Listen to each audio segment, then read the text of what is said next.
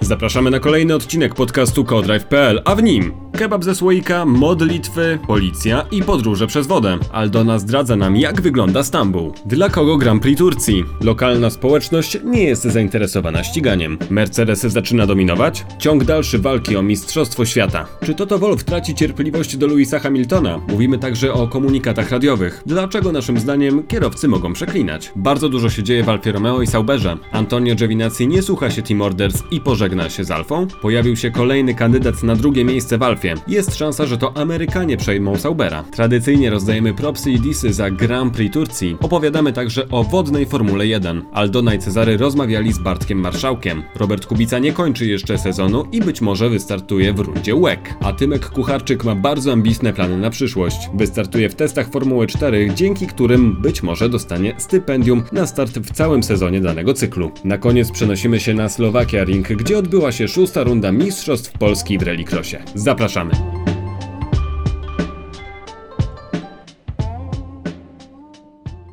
Dzień dobry wszystkim po raz kolejny. Witamy się z Wami Aldona Marciniak, Cezary Gutowski i Jasiek Olejniczak. Jesteśmy po Grand Prix Turcji. Na ogół te deszczowe wyścigi się e, zapowiadają bardzo ekscytująco. Czy tak było tym razem, nie jestem do końca e, przekonany, ale zanim pomówimy o tym, co działo się na torze, no to zgodnie z obietnicą z zeszłego tygodnia musimy się dowiedzieć, jak tam w e, Stambule. Aldona, widziałem, że pobudki obowiązkowe o 6.30, bo coś buczy za oknami. Szósta rano, tak, dokładnie szósta rano to jest e, wezwanie do modlitwy. Mm, kiedyś wybierano na, na, na tę funkcję muzeinów e, osoby o donośnym głosie. W tej chwili już nie trzeba, ponieważ są głośniki, a to z kolei sprawia, że nawet przebywanie w dźwiękoszczelnym pokoju przy zamkniętych oknach nie jest e, w stanie uratować przed dość gwałtowną pobudką, więc y, tak, codziennie o 6 rano miałam okna na minaret, także, e, także e, tak to było. Poza tym. A powiedz mi, sorry, azjatycka... pomogło? Tak? Nawróciłaś się? no właśnie, y, wiesz, to, to, to tak no, melodia mi została w głowie. Tym, że ten, że ten pan, który wzywał do modlitwy właśnie przy, przy moim hotelu, to był taki bardzo przejęty wokalnie. Mnóstwo melizmatów było w tym jego wezwaniu, więc naprawdę muszę powiedzieć, że zrobił na mnie bardzo duże wrażenie. Ale ładnie to brzmiało, to trzeba przyznać. No jest to taki, słuchajcie, element, element wschodu oczywiście, to nie tylko szósta rano, to także zachód słońca, więc, więc gdziekolwiek jesteś na mieście, około tej godziny 18, 19, no to też usłyszysz to e, wezwanie do modlitwy, bo tych minaretów jest po prostu bardzo dużo, więc y, jeszcze biorąc pod uwagę naprawdę te mocne głośniki, to rzeczywiście dodaje to klimatu, gdziekolwiek by się nie byś się nie znajdował, zawsze dwa razy dziennie wezwanie jest. Mówiłeś też, sorry, że wchodzę w słowa, bo przerwałem cię, mówiłeś też o azjatyckiej stronie Stambułu i europejskiej, więc y, doświadczyłaś first hand, jak to mawiają, y, jak to się funkcjonuje w Stambule podczas weekendu wyścigowego. Powiedz, jak wrażenia z y, tych podróży? Powiem tak, a propos podróży, to dobrze, że mówisz, ponieważ gdzieś tam jest jakiś trójkąt bermudzki, który po prostu wyłapał nas dwa razy. Takie są oznaczenia na autostradach, tak beznadziejne, że nie jesteś w stanie pojechać dobrze. Po prostu nie ma takiej opcji. Więc trzy razy zgubiliśmy się w dokładnie tym samym miejscu i to jest jak na niemieckiej autostradzie, czyli nie tak, że jak pojedziesz źle, to nie ma problemu, bo za 200 metrów e, skręć w prawo i następnie zawróć, tylko za 30 kilometrów skręć w prawo i następnie zawróć. W związku z tym nadrabialiśmy w ten sposób parę razy po kilkadziesiąt kilometrów. Z drugiej strony dla miejscowych kierowców tego typu pomyłki nie są jakimiś wielkimi e, problemami. Autostrada, nie autostrada, a nic nie jedzie, to na wsteku, na tej autostradzie mamy radę. No i generalnie okazało się, że e, klaksony nie są tak jak u nas elementem um, takiego wkurzenia na drugiego kierowcę, tylko są e, zwyczajnym elementem komunikacji. Tylko po prostu pip, pip, stary, jestem tu, pip, pip. tak to wygląda, e, bo, bo, bo tak, to, to się nic nie zmieniło, jeśli chodzi o ruch w porównaniu z tym, Cezary, co ty pamiętasz, jeżeli pasów, e, jeżeli pasy są trzy, a mieści się pięć samochodów, to tam będzie jechać pięć samochodów, a szósty będzie trąbił na ciebie, że dlaczego właściwie to jedziesz tak szeroko. A czy przeprawiałaś Także, się przez ten most legendarny i ty wybrałaś w końcu prom, czy, czy lądową podróż, znaczy taką paralądową? E, podlądową wręcz, ponieważ e, naj, najszybszą drogą e, było przejechanie tunelem. Jest tunel mm, pod cieśniną Bosfor, tunel euroazjatycki i to jest najszybsza opcja, też najdroższa opcja, bo przejazd, przejazd kosztuje, podczas gdy most jest darmowy. Natomiast, żeby przeprawić się mostem, no to trzeba by było nadłożyć jakieś takie przynajmniej 40 minut, a biorąc pod uwagę, że korki tam są po prostu wszędzie, wszędzie, no to te 40 minut to jest naprawdę dużo, nie chcesz tego, nie chcesz tego nadkładać. Natomiast a propos tej azjatyckiej części, to jest taki naprawdę e, dość spory miks, ponieważ z jednej strony e, są oczywiście nowoczesne, e, całkiem fajne hotele, które oczywiście drożeją razy trzy na czas, na czas weekendu Grand Prix. Natomiast z drugiej strony um, obok naszego hotelu pani zaganiała gęsi badylem o, proszę. po drodze. To w takim razie duże kontrasty. Więc taki klimat, powiem wam, ja, ja uwielbiam, uwielbiam takie, natomiast, e, natomiast widać tam, e, no właśnie, bardzo duże, bardzo duże kontrasty, Jasiek, tak jak, tak jak mówisz. Tutaj w centrum z kolei Stambułu, gdzie jestem od dziś, jest już zupełnie inaczej, jest o wiele bardziej turystycznie. Tam bez Google Translatora nie, nie dogadasz się, nie ma szans. Nikt nie mówi po angielsku. Ludzie w hotelach nie mówią po angielsku, w recepcjach nie mówią po angielsku, taksówkarze w ogóle zapomnij. E, ludzie na torze nie mówią po angielsku. Najbardziej oblegany był jeden człowiek, wydelegowany do pomocy mediom, który mówił po angielsku, bo tylko on był w stanie tam cokolwiek, cokolwiek załatwić. Poza tym nikt, nic. E, I to mówię, nawet ci, którzy, którzy wiadomo było, że będą pracowali z międzynarodową społecznością podczas, podczas wyścigu. Tutaj już jest inaczej, tutaj już się dogadasz, pogadasz z kim jest, y, skąd kto jest. E, e, jeśli chodzi o panów kelnerów bardzo sympatycznych, tu można zapłacić kartą, bo po, po drugiej stronie to tak niekoniecznie. Mm, I tak dalej, i tak dalej. Więc jest, y, jest, jest rzeczywiście inaczej, jest o wiele bardziej turystycznie. Wczoraj wieczorem jeszcze udało mi się wybrać na Wielki Bazar. Mm, też takie, takie klimaty bardzo, e, bardzo lubię. Cezary trochę przypominał ten bazar z Bahrajnu. Aha. Więc, więc, więc, więc możesz się spodziewać, jak było, ale nie ma to nic wspólnego z tym, co nie wiem, mogą niektórzy nasi, nasi widzowie na przykład kojarzyć z Egiptu, e, gdzie jak gdziekolwiek wejdziesz, to już od razu, o piękna pani, madam, principessa, coś tam, Rasia, tak, ucha i tak dalej, i tak dalej. Nie, nie, nie, takiego, takiego naganiania tam nie ma, e, ale jest bardzo, jest bardzo klimatyczny. Mnie jeszcze dwie rzeczy zaintrygowały podczas tego weekendu, jak obserwowałem i ciebie w telewizji i na Instagramie. Pierwsza rzecz, w czwartek podczas Eleven F1 zastanawiam się, na co cały czas spoglądał e, Robert, dlatego że staliście w jakimś dziwnym miejscu, nie byliście na torze, było dosyć ciemnawo i Robert cały czas na coś zerkał, jakby był w jakimś niebezpieczeństwie. O co to chodzi?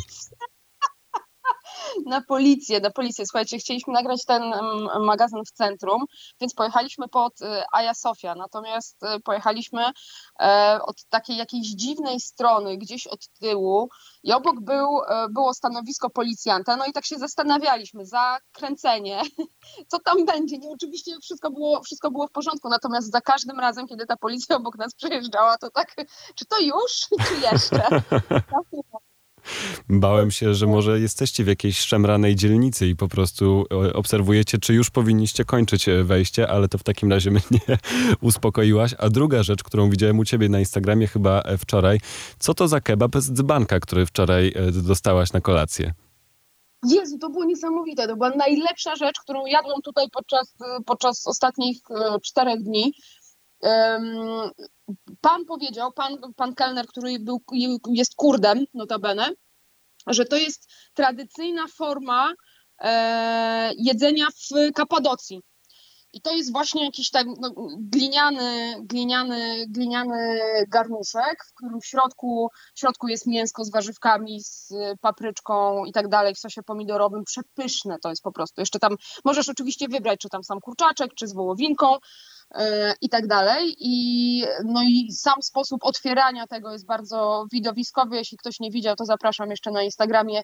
Jest to teraz, y, tylko w skrócie opowiem, że to naczynie wychodzi w ogniu e, i, i, i pan tak jakoś specjalnie specjalnie stuka w to, żeby potem w decydującym momencie odpadło samo wieczko. Jest to bardzo, bardzo efektowne, a przepyszne o rany boskie. Cudowne. A to Więc to jest jeszcze... naczynie Kapadocji. Przepraszam najmocniej, bo ten. e, Tak. Nie widzimy się, więc nie widzę ten. e, Czy, czy już kończysz? Ja chciałem cię jeszcze spytać, e, żeby, chciałem poprosić, żebyś potwierdziła, jako osoba, która no, najbardziej ostatnio była w Turcji, jak się pisze kebab? Przez py. Przez py, przez prawda? py jak... Tak, przez py jak py, py, py, py, py yy, Jak Parówka. nie, nie. Polonia. Na przykład. To w takim razie jeden spór jest rozstrzygnięty. To teraz może wejdźmy do padoku, bo jestem bardzo ciekaw, jak poza tym, że nikt nie mówi po angielsku poza jednym panem, jak to tureckie Grand Prix wyglądało od środka. Wiecie co, ni- niestety trochę smutno, powiem szczerze, Em, ponieważ ten padok y, no nie jest jakiś, jakiś klimatyczny, jest, jest bardzo duży, szeroki rzeczywiście, jakie te palmy powystawione, po- powystawiane, więc, więc, więc fajnie, natomiast generalnie było tam dość pusto. Mimo, że byli kibice, mimo, że korki na dojeździe na tor były szalone każdego dnia, to tak naprawdę dopiero ostatniego dnia można było poczuć jakąkolwiek atmosferę Grand Prix, ale też właściwie tylko na gridzie, bo żadnego, no nie wiem, miasteczka fanów w okolicy, e, tych ludzi czekających, jak, nie wiem, chociażby na Mący, czy, czy, czy no, tego nie było. E, Więc rzeczywiście nie wiem, z czego to wynika, natomiast e, rozmawiałam z, z, z kolegami i też czytałam różne artykuły na temat tego mm, poprzedniego poprzedniej obecności Grand Prix Turcji w, w kalendarzu, um, bo 2011 roku wygasł ten siedmioletni poprzedni kontrakt. No i wszyscy mówili, nie wiem Cezary, czy masz takie same wspomnienia, że e, ten jakby nie zostało wykorzystane przez miejscowych, nie został wykorzystany potencjał przyciągnięcia do siebie wyścigu Formuły 1. To jest jednak w cholerę daleko od Stambułu. To jest przynajmniej godzina drogi, jeżeli, jeżeli nie więcej, po tej właśnie azjatyckiej stronie. Dookoła nie ma tam kompletnie nic. E, Nie jest tak, że, że masz jakieś, nie wiem, fajne miasteczko, no bo to właściwie my wszyscy mówimy Stambuł, Stambuł, to jest Tuzla, to nie jest Stambuł. E, Jesteśmy, tak jak mówię, godzinę drogi, drogi od Stambułu. Nie jest tak, że dookoła sobie super pozwiedzasz, no chyba, że masz przynajmniej trzy godziny dziennie na dodatkowy transport do Stambułu i z powrotem. Więc generalnie em, no taki troszeczkę wyścig w środku, tor w środku niczego. Wyścig nie, niewykorzystany, niewystarczająco promowany. W Stambule nie widziałem absolutnie nic, żadnego sygnału, że, że, że coś się tutaj dzieje motorsportowego w ten weekend.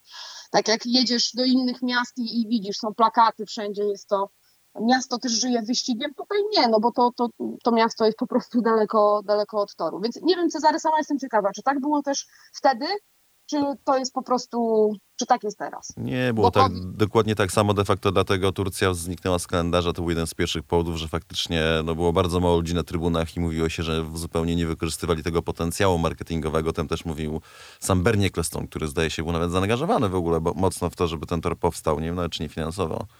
E, I ostatecznie mimo tego, mimo tego jakby tor, dobrze to podkreślasz, tor nie jest w Stambule, to się jedzie dobrych, nie wiem, 40 minut, nie zależy z którego punktu.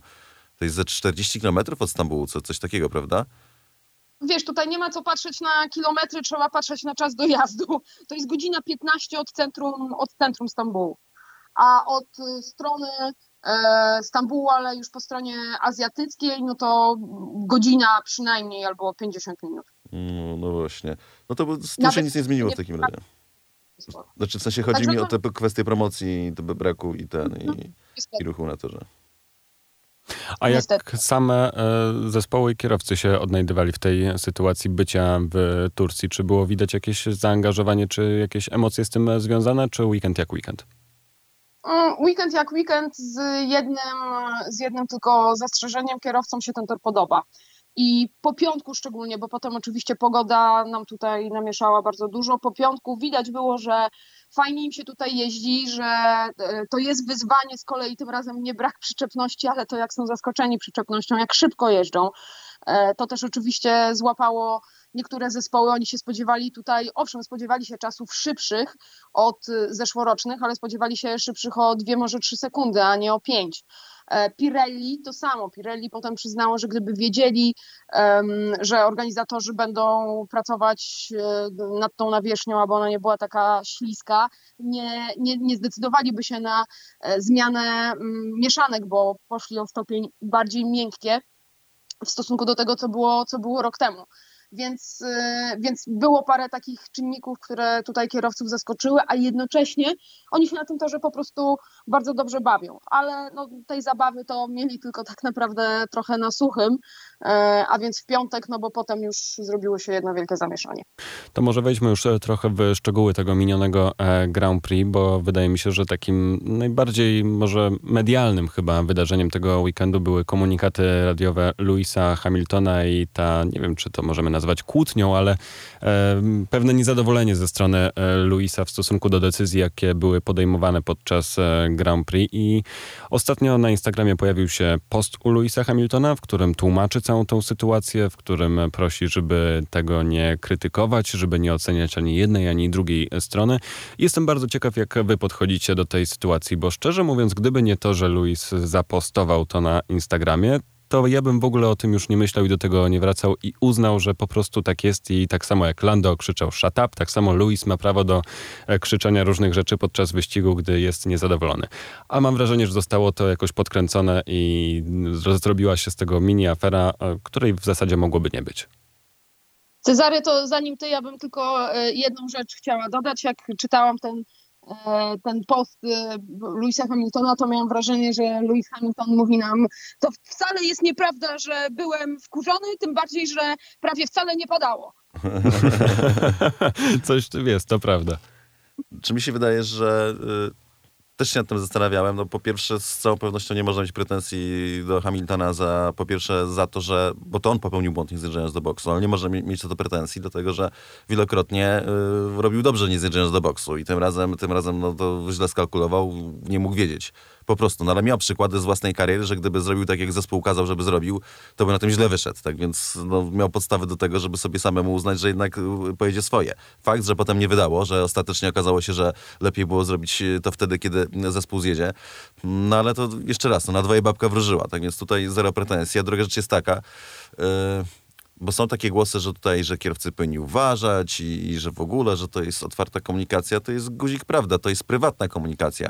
To nie jest tak, że oni są wpuszczeni łaskawie na ogólny eter, na którym my jesteśmy i mogą sobie skorzystać z tego eteru, e, który my podsłuchujemy, tylko to my jesteśmy dopuszczeni dzięki organizatorowi e, do tego, żeby tych rozmów słuchać, a to są prywatne rozmowy radiowe, raz, a dwa to realizator je też podaje, tak? To nie jest tak, że one się ukazują spontanicznie. Czy jak była słynna afera, kiedy Vettel mówił, żeby Charlie Whiting już świetnej pamięci w Meksyku, żeby, żeby mu powiedzieli, żeby się poszedł i ten ze sobą ten, to y, no owszem, to brzmiało nieładnie, no ale to realizator puścił w eter, tak? Więc to nie jest ostatecznie, no tak bardzo jak to nie było jakieś piękne, no to, to, to, to nie jest tak, że to Vettel zgorszył opinię publiczną, tylko to realizator zgorszył opinię publiczną, puszczając prywatną rozmowę. Więc generalnie druga rzecz jest taka, że nikt nie ma prawa mieć pretensji do Hamiltona, że się wkurzył tak, jak się wkurzył, czy wcześniej do, do Norrisa za to, że, że tak, że mówił do swojego inżyniera, żeby się zamknął, no bo to są nerwy, tak? To jest sport. On, absolutnie bardzo wysoki poziom stresu, bardzo wysoka stawka, e, wysokie przeciążenia i, i po prostu no, to jest zupełnie normalne, to jest pisane e, w, w koloryt tego sportu i raczej powinniśmy się cieszyć, że mamy taką e, komunikację, że ona jest naturalna e, i że znamy to od podszewki, tak? Że jak, jak to wygląda prawdziwie, a nie, że, że tutaj nie udają tego wielkiego, pięknego świata i nie przyjmują formy. E, drogi mój inżynierze, wydaje mi się, e, iż ta decyzja o tym, żeby zjechać do boksu może być nietrafiona. No, no, bez przesady, tak? To, to jest normalne życie. Normalni ludzie. Natomiast to doświadczenie Luisa, właśnie jestem ciekaw, z czego ono wynikało. Nie wiem, czy nie była to jakaś ingerencja zespołu, albo czy on po prostu nie chce o ten zespół trochę zadbać. W tym względzie, że e, to, co zwróciło moją uwagę, to to, że Toto Wolf, tak jak zawsze, jakby staje murem za Luisem, tak nagle Toto Wolf zaczyna mówić o tym, że powinniśmy sobie bardziej ufać, że powinniśmy mieć inną kulturę w komunikacji. Od kiedy oni razem jeżdżą? Od 2013 roku, zdaje się, Hamilton jeździ w Mercedesie. Więc y, po, po 8 latach mówić o zaufaniu i, i, komunikacji to jest takie trochę dziwne. Znaczy, z ust Toto Wolfa te rzeczy, które on opowiadał, nie wiem, może czy się ze mną zgodzisz, Aldona, bo ty, no, ty patrzyłaś na żywo, tak, na, na, różne reakcje i tak dalej, ale to było tak jak, no, niemalże jak jakaś potężna krytyka Louisa Hamiltona, prawda? Jeżeli, jeżeli tak, Hamilton nie popełniał błędu, tylko jego palec dwukrotnie już w tym roku i nagle tutaj Toto Wolf y, mówi o tym, że powinniśmy sobie ufać, no to to trochę tak jakby już prawie ten, prawie jakby go wyrzucił z zespołu. To jeszcze wiesz, trochę też chyba e, kwestia tego, co się działo w e, Soczi, gdzie też przecież były te dyskusje na linii, na linii Hamilton, zespół, co zrobić, czego nie zrobić i, i tak dalej, więc myślę, że wiesz, po prostu dwa razy z rzędu e, znaleźli się w takiej sytuacji, w której ta komunikacja między, między kierowcą a zespołem okazała się kluczowa. No i, i ważne jest, żeby to załatwić wewnątrz, wewnątrz ekipy, no bo na razie powiedzmy, że w Rosji na tym e, wygrali, tutaj no nie przegrali aż tak dużo, ale mimo wszystko to są, może to mogło być trzecie miejsce, a jest piąte. W sytuacji, w której oni się tak tną w Mistrzostwach Świata kierowców, to, to, to, to są punkty, które mogą na koniec zrobić różnicę po prostu, więc y, Wolf też ma tego świadomość i tego, że no, nawet takiego kierowca jak Lewis Hamilton trzeba w pewnym momencie, no nie chcę powiedzieć ustawić, ale, ale zbudować to zaufanie od nowa. A chciałem cię jeszcze spytać, jako że byłaś na miejscu, bo to jest też coś, co rzuciło mi się w oczy. Ja patrzyłem na konferencję e, no, w tym przekazie takim dla dziennikarzy, te czwartkowe. I e, zwróciłem uwagę na to, że Luis jest taki bardzo pewny siebie, e, no on generalnie niby jest zawsze pewny siebie, ale ma takie momenty, kiedy widać, że, że to jest trochę taka poza i że jednak jest trochę zgaszony. Tym razem był absolutnie taki i pokorny i dużo mówił też o tym trochę tak jak w tonie takim jak Max Verstappen, że Max przecież powiedział, że powtarzał podczas tego weekendu, że świat się nie skończy, jeśli e, będzie drugi na koniec sezonu. I Luis trochę też w tym tonie. I wydawało mi się, że Luis ma takie, wiesz, że no po prostu ustawił się psychicznie bardzo dobrze, no bo to jest mega dobre podejście, żeby walczyć o mistrzostwo, tak? Jak Adam Małysz, liczy się kolejny skok, a tam co będzie dalej, to, to się nie martwimy. A potem e, Mercedesy wyjechały na tor i inne zespoły i kazało się, że Mercedes no po prostu deklasował wszystkich. Mo, może nie rozkładał na opadki, ale ewidentnie miał przewagę. I zastanawiam się, czy to nie było tak, że Luis znowu miał taki, ta, ta, taki, tak jak w Hiszpanii było, taki spokój wewnętrzny i właśnie tę pewność siebie, dlatego że oni jeszcze przed wjazdem na tor już wiedzieli, że będą najszybsi. Wiesz co, nie wiem, jakby trudno mi się odnieść do tego w kontekście um, jakichś tam sygnałów werbalnych i pozawerbalnych tutaj na torze, bo po prostu z, ani z Luisem, ani z Verstappenem przez ten cały weekend nie rozmawiałam. Mhm. Tak, się, tak się złożyło, że że nie mieliśmy tego i też y, mało widziałam i jednego i drugiego, bo co tu dużo mówić, no nie jest to taki padok, w którym chcesz sobie poprzebywać, po prostu poprzebywać w padoku, tylko siedzisz w swoim motorhome i generalnie możliwie skracasz y, wszystkie e, swoje obecności na zewnątrz. Także, także nie wiem, ale z tego, e, z tego, co też widziałam po prostu w przekazie telewizyjnym, miałam takie samo wrażenie jak ty, że oni po prostu że ta pewność siebie biła z nich wszystkich. Tak samo nawet z Toto Wolfa, bo z nim akurat tam chwilę e, pogadaliśmy przed, już na samym gridzie, prywatnie, chodził tam między telewizjami. To po prostu pewny siebie, uśmiechnięty, pewny swego.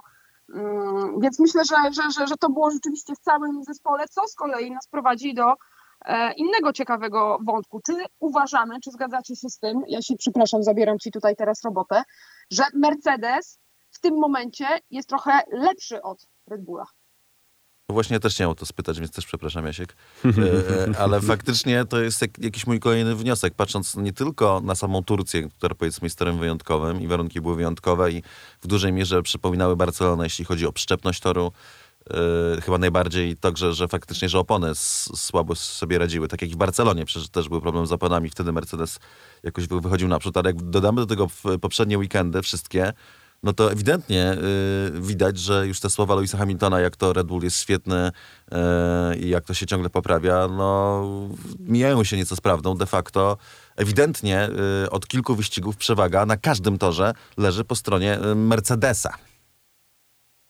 Ale no i zobaczymy, co, mhm. będzie, co będzie w, y, teraz dalej, ponieważ tak naprawdę na papierze wygląda na to, że w Austin to się powinno utrzymać. To jest to Louisa Hamiltona.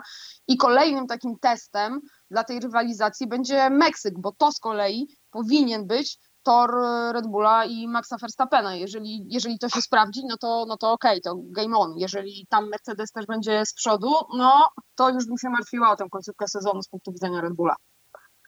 Ja jeszcze się zastanawiam, bo to już jest e, bodaj piąta zmiana w, w tabeli Mistrzostw Świata na pozycji e, lidera. Max teraz prowadzi sześcioma punktami nad Lewisem e, Hamiltonem. Jestem też ciekaw, bo dużo mówimy o psychice Louisa i o tym, jak on reaguje na różne wydarzenia. Czy taki, mm, no nie chcę powiedzieć, że porażka, no bo Turcja nie była porażką dla Mercedesa, ale nie było to spełnienie oczekiwań. Czy to też ma jakiś wpływ na, na Luisa? Czy te, te wydarzenia będą na niego jakoś oddziaływać i czy będzie miał z tym problem po prostu, żeby sobie poradzić przy następnej jakiejś konfrontacji? No bo e, spodziewam się, że w przyszłym, znaczy nie w przyszłym tygodniu, tylko przy przyszłym Grand Prix e, już będzie bliżej tej walki bezpośredniej między Maxem a Luisem. Jestem ciekaw, jak tutaj będą obaj ci kierowcy sobie radzili. Czy przypadkiem nie okaże się, że Max będzie miał teraz dużo więcej spokoju niż ma który musi w tej chwili już gonić?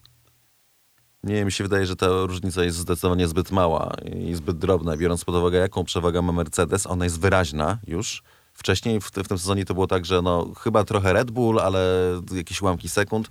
Teraz y, przewaga Mercedesa jest wyraźna, więc tutaj z tej perspektywy to, to wydaje mi się, że, że on się nie ma co martwić. Te punkty są szybko do dorobienia.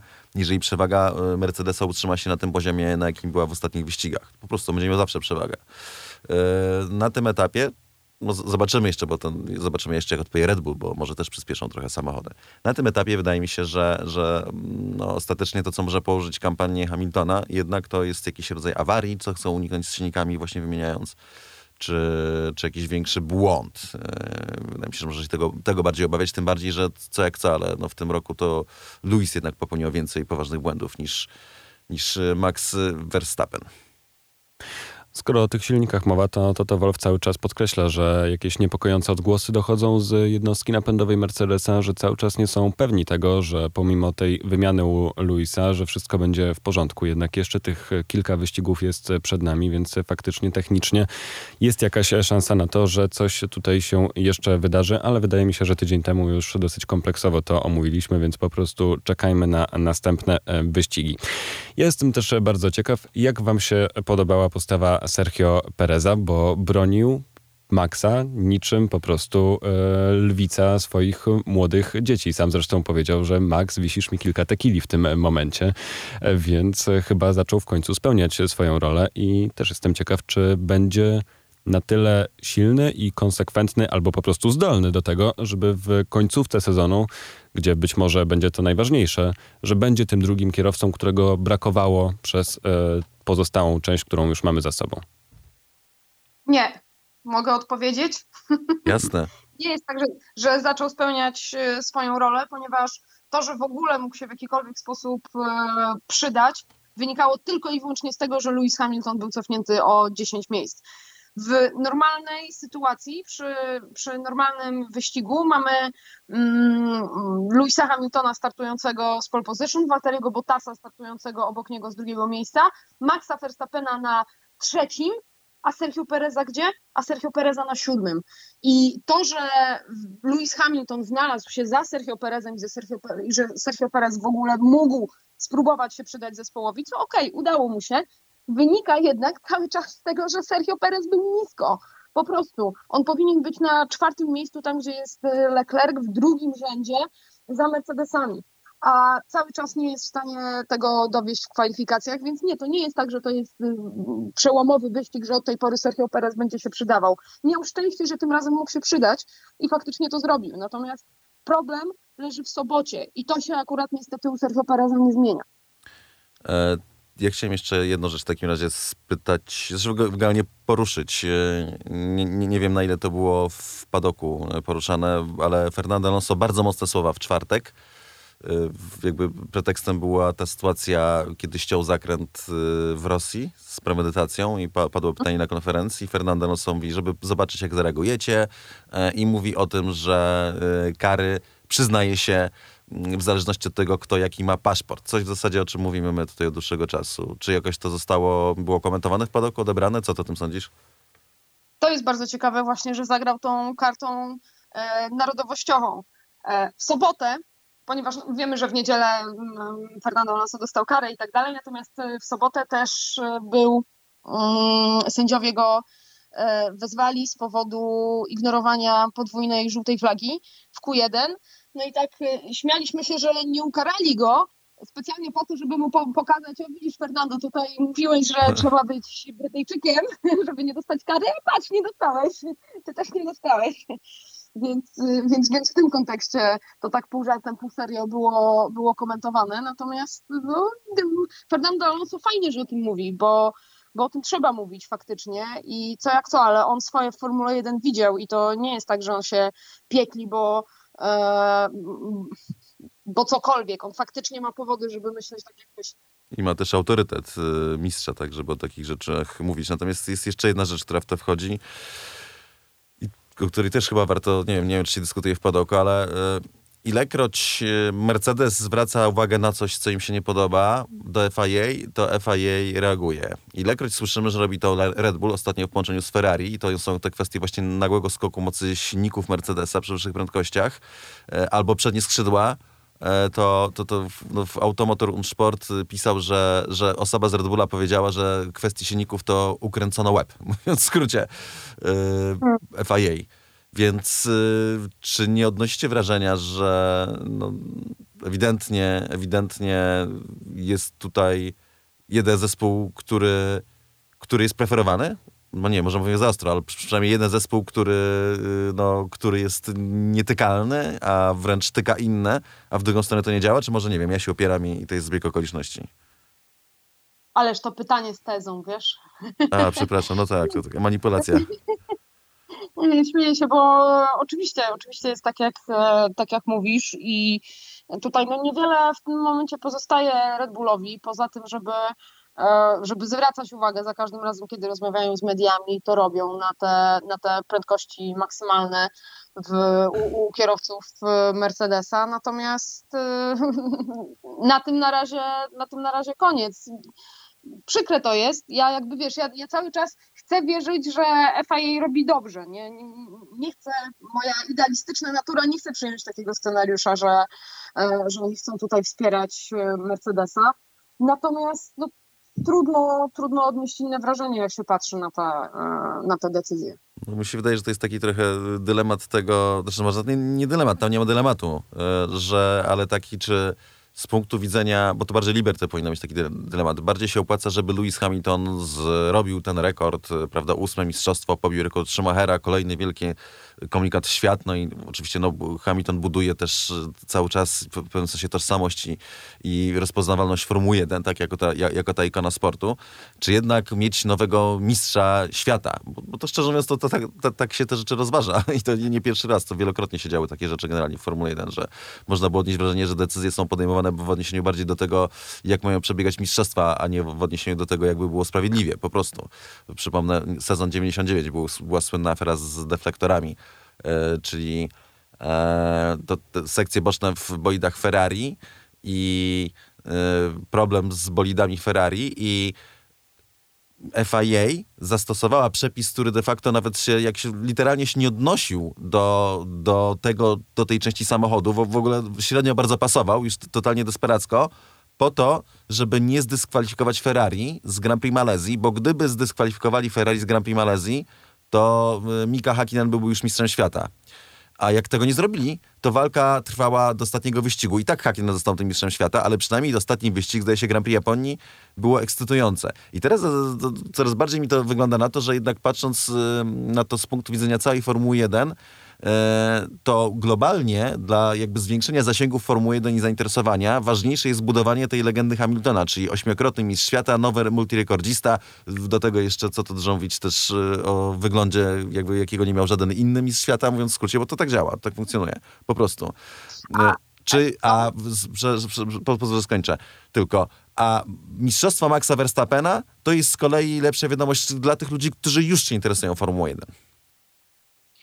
A ja e, się z tobą nie zgadzam. Mhm. Wiesz dlaczego? No, no. To znaczy uważam, że lepiej by było, żeby Lewis Hamilton e, przegrał ten tytuł. Dla e, Formuły 1? Bo... Nie. Tak, tak, ale zobacz, jak są budowane scenariusze niemal każdej sceny walki e, począwszy od Karate Kid przez, nie wiem, Rambo albo inne rzeczy. No. Najpierw nasz człowiek, w cudzysłowie, idzie mu dobrze, wygrywa, Mhm. potem dostaje bardzo mocno w tyłek, już się wydaje, że koniec, już leży, już zakrwawiony, o matko, przegrał, Jezus Maria. Mhm. I ostatnim sił, w ostatnim momencie jednak, y, jednak udaje mu się wygrać. I to byłby taki scenariusz. Lewis Hamilton idzie na pewniaka, e, tyle tytułów z rzędu i teraz kolejny, ósmy rekord mamy. No nie, bo wszystko tutaj gra na niego, ale on przegrywa ten tytuł, wielki dramat i w następnym sezonie jednak wraca i e, bije ten rekord. Ale na tym już nie zapanujesz. Na tym już nie zapanujesz. Możesz grać tylko na tym, co teraz masz. No nie wyreżyserujesz e, układu sił i bolidów różnych, e, różnych innych stajni. To na co masz wpływ jako zarządca Formuły 1, to jest to, jaki będzie, e, gdy jest taka bliska walka, to to e, i też nie całkowity, e, ale możesz poprzeć stronę i moim zdaniem to się właśnie teraz dzieje, tylko na tegoroczne mistrzostwa. To jedna sprawa, a druga jest jeszcze w przyszłym roku George Russell, o którym Toto Wolf mówi, nazywa go luksusowym problemem, zapytany, czy będzie walczył w przyszłym roku o Mistrzostwo Świata. Więc No ale jest też jeszcze nazywa jedna go zmienna. e, uczniem czarnoksiężnika. Nie wiem, czy zwiedziliście ten styl. Tak, naprawdę? Tak, tak, tak. O, doskonały, doskonały. No dobrze, no troszeczkę mnie przekonaliście, e, natomiast, e, natomiast cały czas uważam, że z punktu widzenia takiej historii, no to, no to, no to ten scenariusz, o którym ja mówię, będzie lepiej wyglądał. No ale faktycznie, to nie jest scenariusz, który można wyreżyserować. Na pewno, znaczy nie chcę tutaj mówić za wszystkich, ale jest dużo osób, które chciałyby zobaczyć Maxa Verstappena e, na czele tabeli pod koniec tego e, sezonu, ale jak to się dalej potoczy, pokaże nam może Grand Prix Stanów Zjednoczonych. Co do jeszcze wydarzeń z minionego e, weekendu, chciałbym wejść w świat Alfy e, Romeo i zacząłbym od e, tego, że Antonio Giovinazzi moim zdaniem zaczął się trochę chyba już żegnać z zespołem, nie słuchając się Team Order. Chciał chyba zabłysnąć w tym wyścigu i pokazać się z lepszej strony, a w rezultacie Alfa nie dowiozła żadnego e, punktu. I tutaj chciałbym, żebyście się odnieśli do tego na początek, a zaraz przejdziemy do przejęcia Zaubera przez Mario Andretti- Andrettiego. No słuchajcie, gdyby e, Antonio Giovinazzi wywalczył ten punkt, to byłby zwycięzcą. To, to, to nie wypominano by mu tego, to wyszłoby na jego. Natomiast e, oczywiście wyszło to i, i jest poruszane, dlatego że ostatecznie Alfa Romeo tego punktu nie wywalczyła, mając jednego kierowcę, który miał naprawdę bardzo, bardzo dobre tempo, bo ja, ja też dziwiłam się mniej więcej w środku wyścigu, patrząc na czasy okrążeń Raikkonena, patrząc na czasy okrążeń Giovinazziego, dlaczego Alfa Romeo ich nie zamienia. I ja myślałam, bo nie słuchałam wtedy e, radia Alfa Romeo, e, myślałam, że to jest błąd zespołu. Kurde, dla, dlaczego oni tego nie robią? Mówię, nie wiem, no może się boją, że trudne warunki, że coś się wydarzy, że nie da się tak łatwo zamienić tych pozycji. Nie mam pojęcia, natomiast potem dopiero e, po wyścigu e, dowiedziałam się, że to nie jest tak, że Alfa Romeo nie wpadła na pomysł, żeby ich zamienić. Wpadła i to dwukrotnie, tylko Antonio Giovinazzi e, ich po prostu nie posłuchał. Ja zgadzam się z tobą, Jasiek, że to pokazuje jedno, że Antonio Giovinazzi nie będzie miał miejsca w tym zespole w przyszłym sezonie. Co prowadzi do dyskusji na temat tego, kto to miejsce będzie miał. E, dlatego, że mm, no, zresztą też, Piłka w grze. Tak, tak. No, jak rozmawialiśmy wczor- wczoraj na pole position, to, to też na to zwracałeś uwagę chyba wszyscy. Zresztą od, od, od dawna mówimy, że szanse Roberta są bardzo małe. Natomiast e, nadszedł taki moment, e, kiedy mi się wydawało, że one mocno urosły, dlatego że Giovinazzi raczej nie, bo Ferrari za niego nie zapłaci. Ferrari wie, że to nie będzie kierowca, którego oni kiedykolwiek zatrudnią u siebie, ten Włoch, na którego czekają, bo jest za słaby, co tu dużo mówić, z całą sympatią dla Antonio i uznaniem dla jego prędkości i przebłysków, bo jest błyskotliwy, ale po prostu od początku kariery popełnia błędy. Więc Giovinazzi by odpadł z równania. Z Piastri moim zdaniem to było jakieś totalnie napompowane przez media zupełnie, nie wiem dlaczego Roger Benoit w ogóle wszedł ten temat, bo to było nie do ruszenia, choćby dlatego, że Alpin raczej e, Piastriego nie puści. Natomiast e, Joe by puścili, ale Joe z kolei e, chcą mieć kontrakt tak na 3 lata. Tak zdaje się mówię, że chcą mieć kontrakt na 3 lata, twardo. I- Dwa. Mhm. tak, za 25 milionów dolarów, co jest y, słabą ofertą, więc y, w świetle tych wydarzeń wydawało się, że papiery Roberta są mocne. I wtedy, bum, nadeszła wieść o Amerykanach. Co się o tym mówiło w padoku?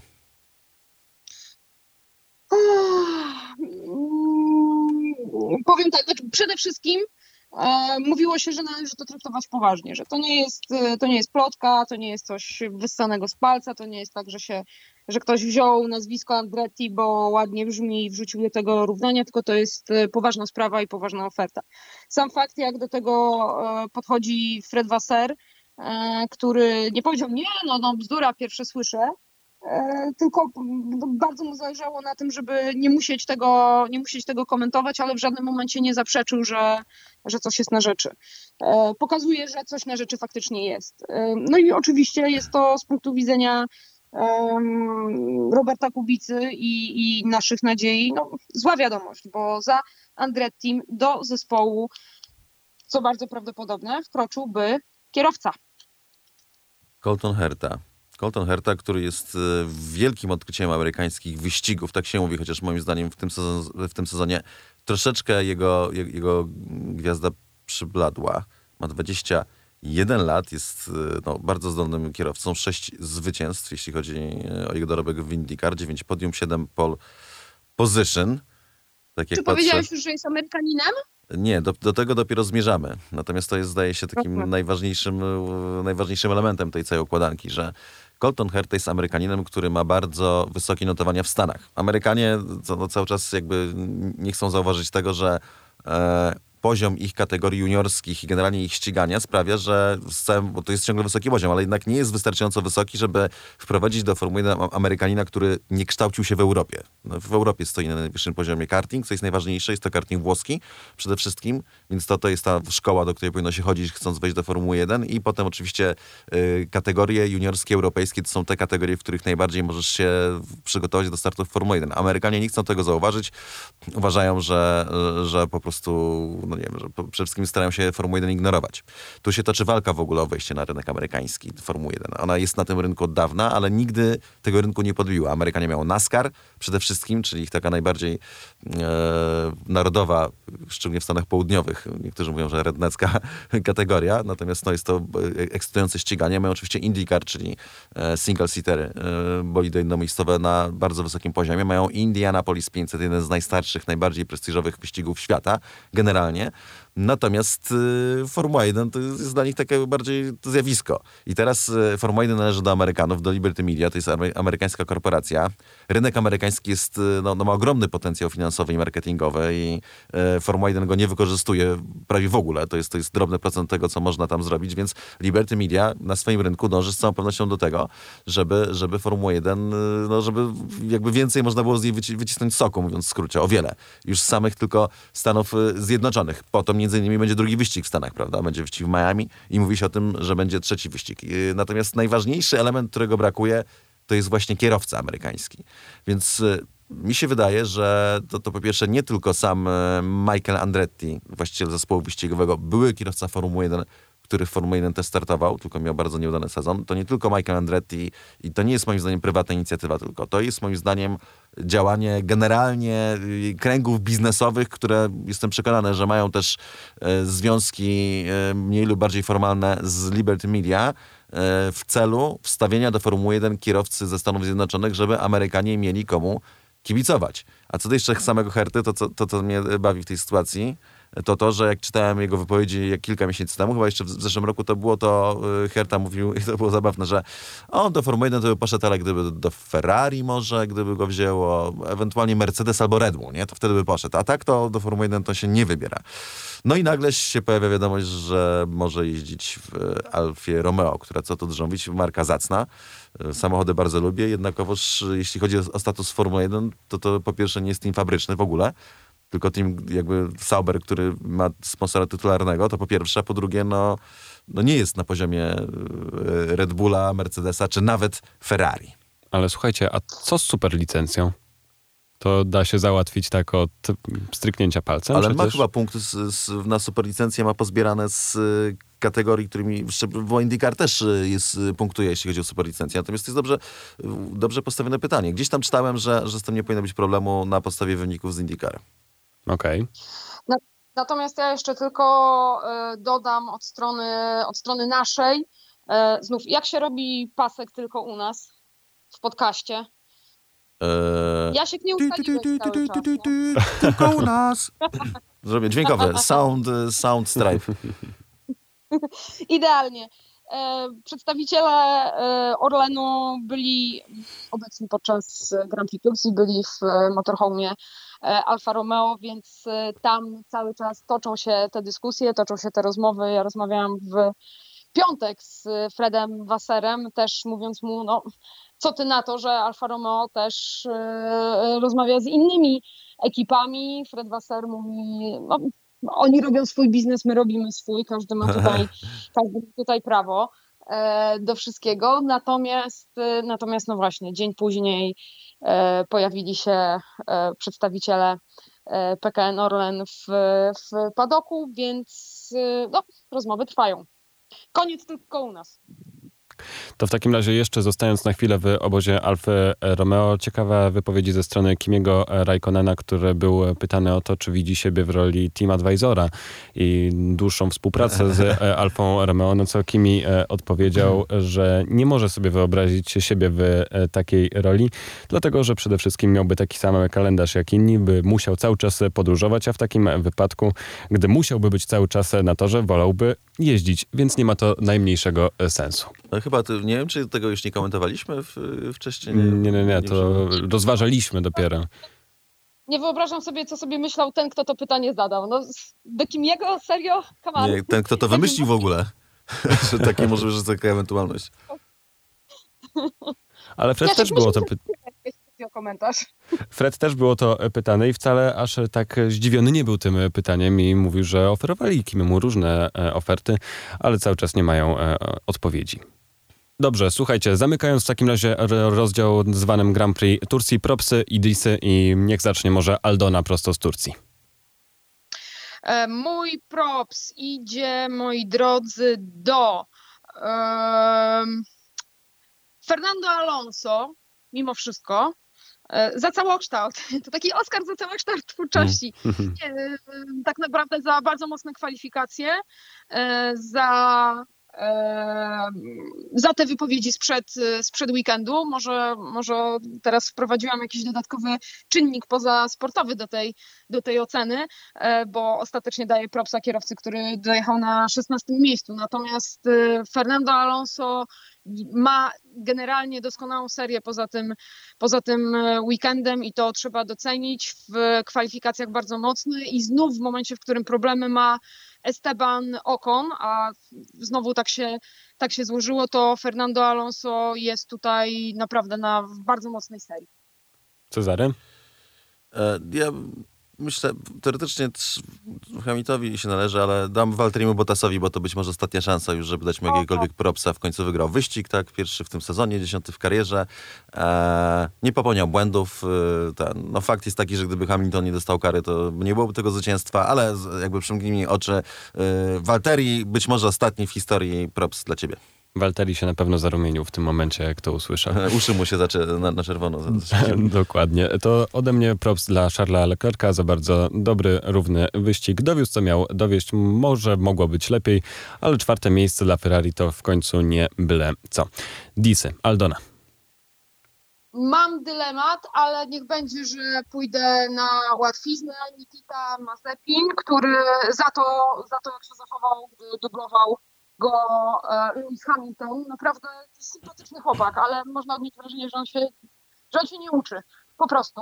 E, I do tego jeszcze w wyścigu skończył za Mickiem Schumacherem, mimo że Mick Schumacher miał tę e, kolizję z Fernando Alonso i to tak skończył 20 parę sekund za nim.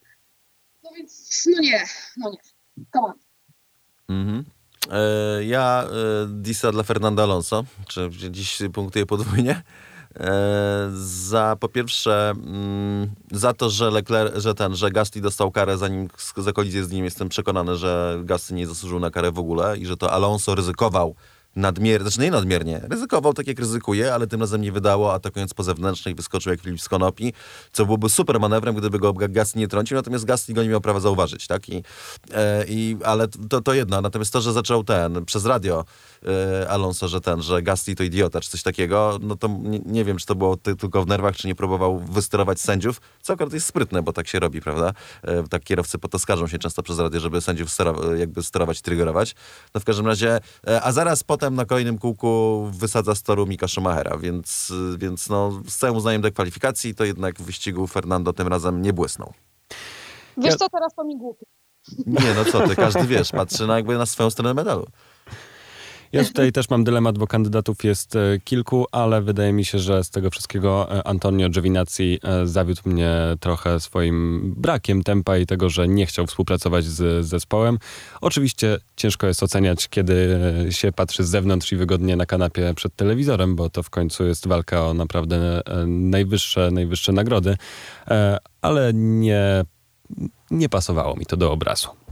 To teraz ucieknijmy na chwilę ze świata Formuły 1, chociaż nie do końca, bo dopiszemy do tego H2O. E, ostatnio mieliście bardzo miłe spotkanie z Bartkiem Marszałkiem. Ja słuchałem tego wywiadu i naprawdę niesamowita postać i taki sportowiec z krwi i kości. Takie mam wrażenie słuchając, jak się wypowiada i odpowiada na wasze pytania.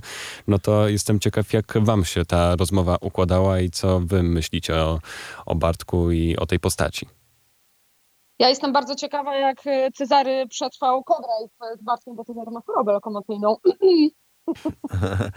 Znaczy tak, jeśli chodzi o Codrive, to powiem, że yy, na początku miałem duszę na ramieniu, no bo jednak ta woda i tak dalej, jak człowiek ogląda te ich flipy, tak, bo tam jak się przedobrzy w, w formule tej H2O, to oni walą po prostu backflipa czyli wywracają się na dach i zastanawiałem się, czy będę miał na przykład taką słomkę, co ma kierowca z powietrzem i tak dalej, i tak dalej. Ale potem się okazało, że pod tym względem to nie było straszne, natomiast potwornie mnie wymiochało.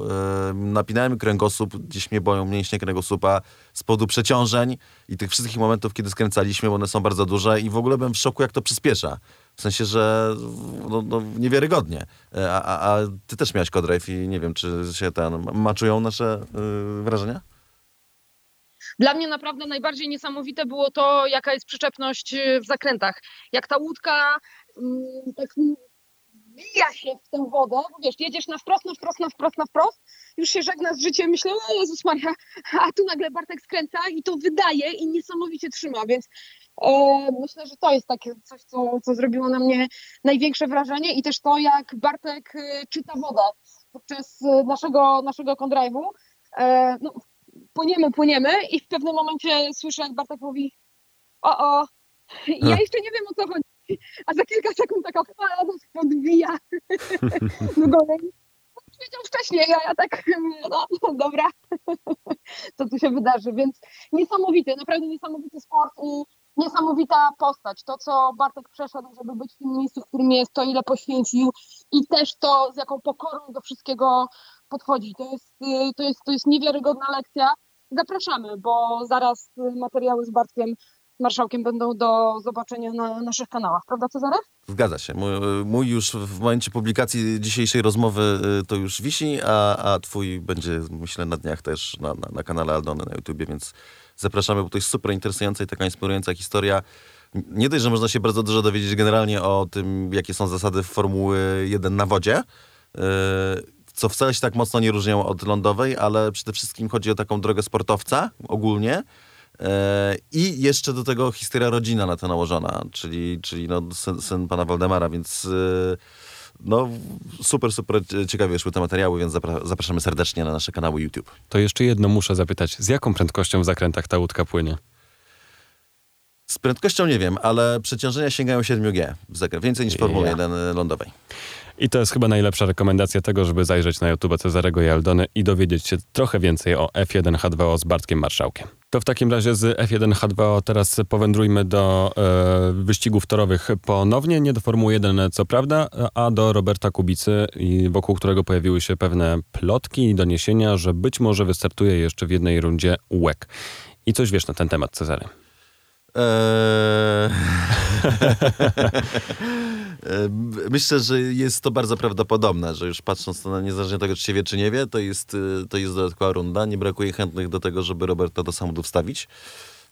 w różnych kategoriach, więc z punktu widzenia Roberta myślę, że to jest dobry pomysł, żeby po, po pierwsze, żeby po prostu znowu pojeździć, w ten weekend. Po drugie, żeby wejść w kategorię no, z LMS do WEC to jest awans, tak? No bo WEC to są Mistrzostwa Świata i być może już zobaczyć, czym to się je, jeśli chodzi o wyścigi, które trwają 6 godzin, czy też 8 godzin. Także e, są takie wyścigi, w, będę w Bahrajnie taki wyścig. Więc e, no, jest to bardzo dobra okazja, żeby tak treningowo sobie wejść e, i, i liznąć ten weekend, dlatego że no, prawdopodobnie jeżeli Robert będzie się ścigał w przyszłym sezonie, no to bardziej jakby bardziej prawdopodobnym strzałem wydaje się WEC niż Formuła 1. Nie skreślając Formuły 1 jeszcze, dlatego że dopóki pi piłka wrze, jak to powiedział Robert, dopóty są te nadzieje, że będzie. Natomiast jeżeli nie wyda, no to w ten czas naturalnym kierunkiem wydaje się właśnie, wydają się długodystansowe mistrzostwa świata. Więc taki weekend do przejechania e, już, żeby, żeby się trochę wgryźć w serię, żeby tak trochę o nią zahaczyć, to, to tak trochę jak Robert chciał pojechać Daytonę wcześniej, w, na początku roku, co niestety nie wyszło, bo znaczy był w Daytonie, ale, ale auto się zepsuło po, po, na, na pierwszym stincie, tak? De facto, czy tam na, na początku. No to na tej samej zasadzie warto by było też w tym łeku sobie, sobie pojechać. Wydaje mi się, że, że jest to, że jest to no, bardzo, bardzo prawdopodobny i logiczny ruch, żeby, żeby wyjechać w tym wyścigu, albo w wyścigach nawet.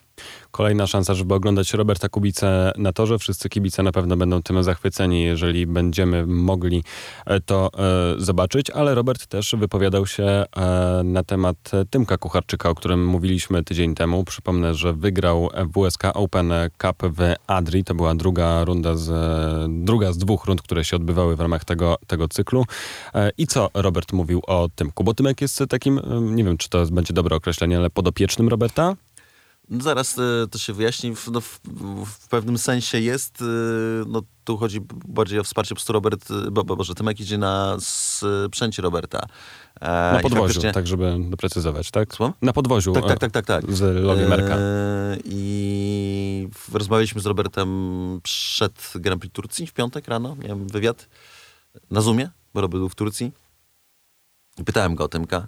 Eee, mówię, że Tymek ostatnio wygrał w ten że, że świetny występ w WSK, zaliczył pole position, wygrał całe zawody i Robert mówi tak, po pierwsze, bardzo się cieszę z tej wygranej, wreszcie. Eee, Tymek pojechał perfekcyjny weekend, zdobył pole position, wygrał wszystkie wyścigi, przedfinał i finał i w tych wszystkich wyścigach ustanawiał najszybsze okrążenia. To pewnie wina słabego go-karta, że tak dobrze poszło. Powiedział Robert, yy, śmiejąc się trochę, wydaje mi się, że jest tam jakaś tam doza tego, yy, ewentualnie wewnętrznych yy, rozmów. Yy, no i spytałem Roberta, jaki jest udział w jego w tym projekcie. I Robert mówi tak, jestem w to wszystko zaangażowany. Oczywiście nie fizycznie, bo nie mam czasu, a szkoda, ale staram się uczestniczyć w tym wszystkim tak bardzo, jak jestem w stanie. Ostat, ostatnie dwa sezony Tymek jeździł na moich wózkach, czyli jest to wsparcie sprzętowe, e, jest to też wsparcie takie e, chociażby i wizerunkowe, tak, bo e, Tymek Kucharczyk nieraz pojawiał się na kanałach Roberta społecznościowych, co zawsze jest dość dobrym takim Dobra banerem. Tak, plus generalnie fakt, to też być może nie każdy sobie zdaje z tego sprawę, ale fakt, że jakby Robert Kubica swoim nazwiskiem firmuje młodego kierowcę, on się nie bierze z niczego. W sensie, że to nie jest tak, że sobie, nie wiem, ktoś podszedł i powiedział, panie Robercie, może by pan nam tam pomógł i tak dalej, to Robert tak nie funkcjonuje. Fakt, że zaangażował w to swoją markę i, i wsparcie ze swojej strony, E, świadczy o tym, że Robert tego nie ocenia bardzo, bardzo wysoko. A Robert, co tu dużo mówić, jest no, człowiekiem, który wyśmiecie zna motorsport generalnie od podszewki e, i bardzo wielowarstwowo, e, w bardzo szerokiej skali, bo to nie tylko konkretne kategorie wyścigowe, tylko ogólnie wyścigi, to są rajdy.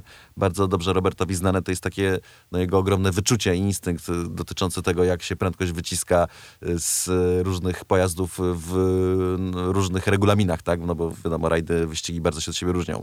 Więc ta jego świadomość tego, gdzie tego szukać, są sporty bardzo wielowątkowe, no, no jest ogromna, więc, więc fakt, że, że ten kierowca jakby cieszy się osobistym wsparciem Roberta Kubicy, świadczy o tym, że faktycznie ma bardzo duży potencjał. To jeszcze nie znaczy, że że już nie witamy go już w Formule 1, natomiast jeżeli chcemy kogoś do tej Formuły 1 wprowadzić, jest kilku młodych juniorów, którzy sobie dobrze radzą w kartingu, także e, Także młody tak Maciek Gładysz też e, odnosi sukcesy. No, no to w ten czas no, no, no ta, ta jakby rekomendacja i ta obecność no sprawia, że, że, że tak, że, że, raczej, że, że raczej jest to kierowca, którego można uwierzyć, tak warto uwierzyć po prostu, przynajmniej na tym etapie. Nie wiem, co jeszcze więcej mogę powiedzieć. Rozmawialiście o przyszłości może, Tymka? Z Robertem? Tak. Nie, nie, nie. O przyszłości nie rozmawialiśmy. Rozmawialiśmy o tym, czego oczekać w Mistrzostwach Świata, ale tego nie przytoczę, bo to już chcę jakby ten, wykorzystać ten fragment wypowiedzi przed tymi mistrzostwami, na które de facto się z Aldoną wybieramy. Żeby... Bo to też jest taki ciekawy moment w karierze Tymka. On ma 15 lat w tym momencie, kończy się sezon kartingowy, no i to jest czas tak naprawdę decyzji, co dalej. Czy jeszcze zostawać w kartingu i będzie miał 16 lat i być może będzie zaczynał gdzieś testy w formułkach, czy już się zdecydować na, jeżeli w ogóle są takie możliwości finansowe, na pełen sezon w formułach, co wydaje się takim naturalnym e, krokiem, no bo tak naprawdę kierowcy w wieku 16 lat już jeżdżą w, w tych kategoriach juniorskich formułowych. No ja wiem, jakie są kolejne kroki Tymka na tym etapie. E, zdaje się, że dziś, w środę, kiedy jest premiera tego, tego podcastu, e, Tymek ma testy. Gdzieś w Hiszpanii, jeśli dobrze pamiętam, w Formule 4. E, I w tych testach do wygrania jest sezon właśnie w Formule 4 w pewnej szkole wyścigowej kierowców. Więc y, no, nadzieje są takie, że uda się po prostu przeskoczyć z kartingu już do formuł. I to jest generalnie taka droga, którą często młodzi kartingowcy mm, wybierają. E, z tego względu, że karting się zrobił bardzo drogi, e, że no, w kartingu też niestety ta polityka i biznesy, które mają wpływ na układ sportowy, e, one schodzą w dół, jakby przysiąkają. I one przysiąkły też do kartingu i w dzisiejszych czasach w kartingu jednak no, jest trochę mniej sportu niż powiedzmy 10 czy 20 lat, lat temu, z tego co mówią osoby w to zaangażowane. Więc yy, dobrym takim krokiem ponoć wśród kartingowców ambitnych jest to, żeby jak najszybciej, jednak wcześniej niż trzeba, żeby wskoczyć do jakiegoś bolidu jednomiejscowego i zacząć już się przyzwyczajać do jazdy z aerodynamiką, z zawieszeniem, yy, z wyższymi prędkościami w łukach przede wszystkim, no trochę inny rodzaj jazdy yy, niż w kartingu. Więc yy, no, no, w środę mają być te testy i no tak jak mówię, do wygrania jest ten jakby to, jakby to e, nazwać, e, no po prostu sezon, e, co tu dużo mówić. Kurczę, uciekło mi słowo. W, w, w studenckim... Studenckiej formule? Czy... Nie, nie, nie. Chodzi mi o to, że jak masz dobre wyniki na studiach, to dostajesz... Stypendium. Stypendium, o dokładnie, o. przepraszam. No, jakiś ten blackout y, umysłowy. y, wyścigowe stypendium po prostu. Więc, więc no taki, z tego co rozumiem, a rozmawiałem ostatnio, ostatnio z tatą Tymka, to no takim wyborem drogi kariery na przyszły sezon dla Tymka to byłby skok do bolidów jednomiejscowych, do konkretnie Formuły 4, która de facto jest idealną kategorią właśnie dla bardzo młodych kierowców, którzy są na tej granicy kartingu i, i bolidów, żeby, żeby stawiać pierwsze kroki w bolidach. To fantastyczne wiadomości. Trzymamy bardzo mocno kciuki za Tymka, bo naprawdę jest to jakieś światło w tym tunelu do Formuły 1 i miejmy nadzieję, że ta kariera będzie się bardzo prężnie rozwijać. Jeszcze byśmy chyba tak, tak chcieli tak, zabrać to, was... to ja zaraz pytanie. To bardzo proszę. ty jesteś jakby młodym, e, młodym obiecującym zawodnikiem w kategorii motorsportu zwanej rallycross, e, która w ogóle zafascynowała mnie, tak jak ty o tym powiadasz z, tego, z tej strony, że e, wydaje mi się, że to jest taka kategoria motorsportu, w której relatywnie bardzo niewielkim, relatywnie bardzo niewielkim nakładem kosztów możesz mieć y, kawał dobrego ścigania, na wysokim poziomie. I masz ze sobą start na Słowacji, Słowakia Ring, tak? Dobrze tak, pamiętam? Tak, tak, dokładnie. E, siódme miejsce, ale też e, opowiadaj, że to jest interesujące, że miałeś ciekawą przygodę, bo mogłeś wyjść do finału i nie wszedłeś. Tak, generalnie sama obecność na Słowakia Ringu w ramach Mistrzostw Polski w Rallycrossie była super przeżyciem, bo jednak jesteśmy u nas przyzwyczajeni do obiektów trochę mniej spektakularnych, tak bym to nazwał, bo nic nie ujmując autodromowi Słomczyn czy toru, torowi Poznań, to jednak e, sam pitlane w Slovakia Ringu, infrastruktura, budynki, wyposażenie e, tak jakby bardzo zbliża do zawodów międzynarodowych i sam zjazd z toru i to, że możemy przejechać samochodami po pitlane w ramach oficjalnych zawodów, to mm. już sprawia, że się czuje trochę inny klimat. No wiadomo, że na trybunach kibice, którzy też e, licznie przybywają na, na Ring, pomimo, że jest dosyć daleko od jakiejkolwiek cywilizacji, bo jest to po prostu poś środku szczerego pola. Tak, tak. tak. Więc e, to też naprawdę dużo takich miłych akcentów, które sprawiają, że, że warto w tych Mistrzostwach Polski dla takiego przeżycia e, startować. Ale to, o czym mówiłeś, czyli półfinał, w którym e, zająłem czwarte miejsce, a tylko trójka wchodzi do, do finału, wynika z kilku różnych zdarzeń podczas wyścigu. Mm, na początku dobre pierwsze okrążenie, całkiem równo wszyscy wyszliśmy bez żadnych kontaktów, porozjeżdżali się zawodnicy na Joker Lapa, niektórzy zostali na zasadniczym torze. E, na drugim okrążeniu uderzyłem w rów, tam się w pewnym momencie zrobiło taki dół na e, części szutrowej. E, i kamień przebił osłonę pod silnikiem i zerwał pasek odpowiadający za napędzanie wiatraka chłodzącego silnik, za wspomaganie kierownicy, więc za dosyć dwa kluczowe układy, które pomagają podczas jazdy. Momentalnie temperatura silnika, wskazówka wyskoczyła poza, poza skalę. Ja na kierownicy czuję, że coś zaczyna mm. się powoli dziać niedobrego i wydawało mi się, że może coś z kołem jest nie tak. I dopiero po chwili, gdy zobaczyłem kontrolkę akumulatora, zdałem sobie sprawę z tego, że e, ten pasek właśnie się zerwał i po prostu nie mam wspomagania. E, ale po następnym okrążeniu widzę, że lider wyścigu, Mariusz Szczepański, stoi na poboczu i widzę, że przede mną jest jeszcze dwóch kierowców, więc jadę trzeci, E, czuję, że mam tempo lepsze od tych dwóch, dlatego że bardzo szybko do nich dojechałem, gdy oni wyjechali z Jokera, e, ale przez to, że widzę, że silnik jest wyżyłowany, że bardzo się poci, no to kurczę, nie chcę atakować, bo chcę mm. wystartować w finale. I jedziemy zderzak w zderzak przez następne trzy okrążenia, bo w półfinałach jedziemy sześć kółek. Zjeżdżam do namiotu ucieszony i mówię, że słuchajcie, pasek spadł, trzeba sprawdzić temperaturę, wszystko, żeby się przygotować do finału. Ale słuchaj, było blisko, ale nie wszedłeś. Ale jak to? I okazało się, że zawodnik, który stał na e, poboczu, to nie był Mariusz Szczepański, tylko e, inny kierowca z tego samego zespołu, który ma identycznie oklejony samochód i wyjątkowo miał także te same felgi, co, co Mariusz e, i po prostu pomyliłem samochody, bo ja nie jeżdżę ze spoterem w tym momencie. Nie mam aż tak licznego zespołu i nie wiedziałem, na której pozycji jadę. Byłem przekonany przez mhm. cały wyścig tak naprawdę, że jadę trzeci, że mogę spokojnie oszczędzać samochód i dowieść to już do, do mety. No a niestety dopiero pod namiotem dowiedziałem się, że to jest czwarte miejsce i ten finał no nie był, nie był dla mnie w tym momencie. No Jasiek, słuchaj, słowo klucz to jest komunikacja, to to Wolf ostatnio o tym mówił właśnie znowu. Musicie sobie ufać, ale przede wszystkim musicie mieć kontakt e, radiowy. Ale tak jak patrzę, zerkam na twoje relacje, to y, wszystko się rozwija. jest, prawda? Na, na przyszły sezon zbieramy budżet na to. Zastanawiam się właśnie, jestem na etapie decyzji tak naprawdę, czy zostajemy przy E36 kompakcie, który teoretycznie w niektórych warunkach radzi sobie dużo gorzej, gdy nie ma takiej czystej przyczepności na torze, gdy się pojawia dużo syfu, e, to ten samochód bardzo dużo traci. Po prostu nie jestem w stanie złapać tak szybko trakcji jak e, kupę czy sedany. Aha, ale I... to wynika z, bo E36 mówi o, o BMC, tak? O tak, trójce. tak, tak, to tak, wynika tak. z faktu, że jest tylnonapędowa? To wynika z faktu, że zawieszenie w kompakcie jest inne niż w sedanie. Tam jest E36 e kompakt to tak naprawdę jest E30, jeżeli chodzi o pracę zawieszenia z tyłu, więc mm. to jest problem, który wychodzi właśnie na torach, gdzie nie ma takiej czystej przyczepności, która wynika z samego toru. Mm. Na Slovakia Ringu ten samochód był piekielnie szybki, bo po prostu ten tor był mm. bardzo przyczepny. Tak samo w Poznaniu.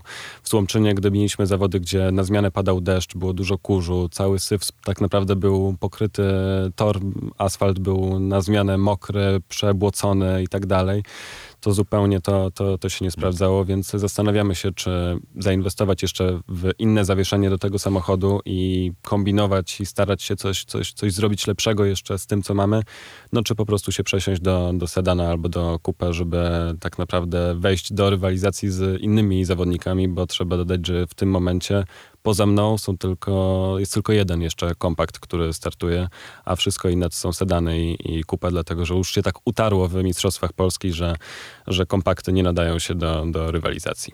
Słuchaj, no zatem y, prawdziwe wyścigowe dylematy, wyścigowo-rajdowe, trzymamy kciuki i ten, i dawaj znać, jak tam z wyborem samochodu. Obowiązkowo, będziemy na pewno informować, a za dzisiaj dziękujemy Aldona Marciniak, Cezary Gutowski i Jasie Kolejniczak.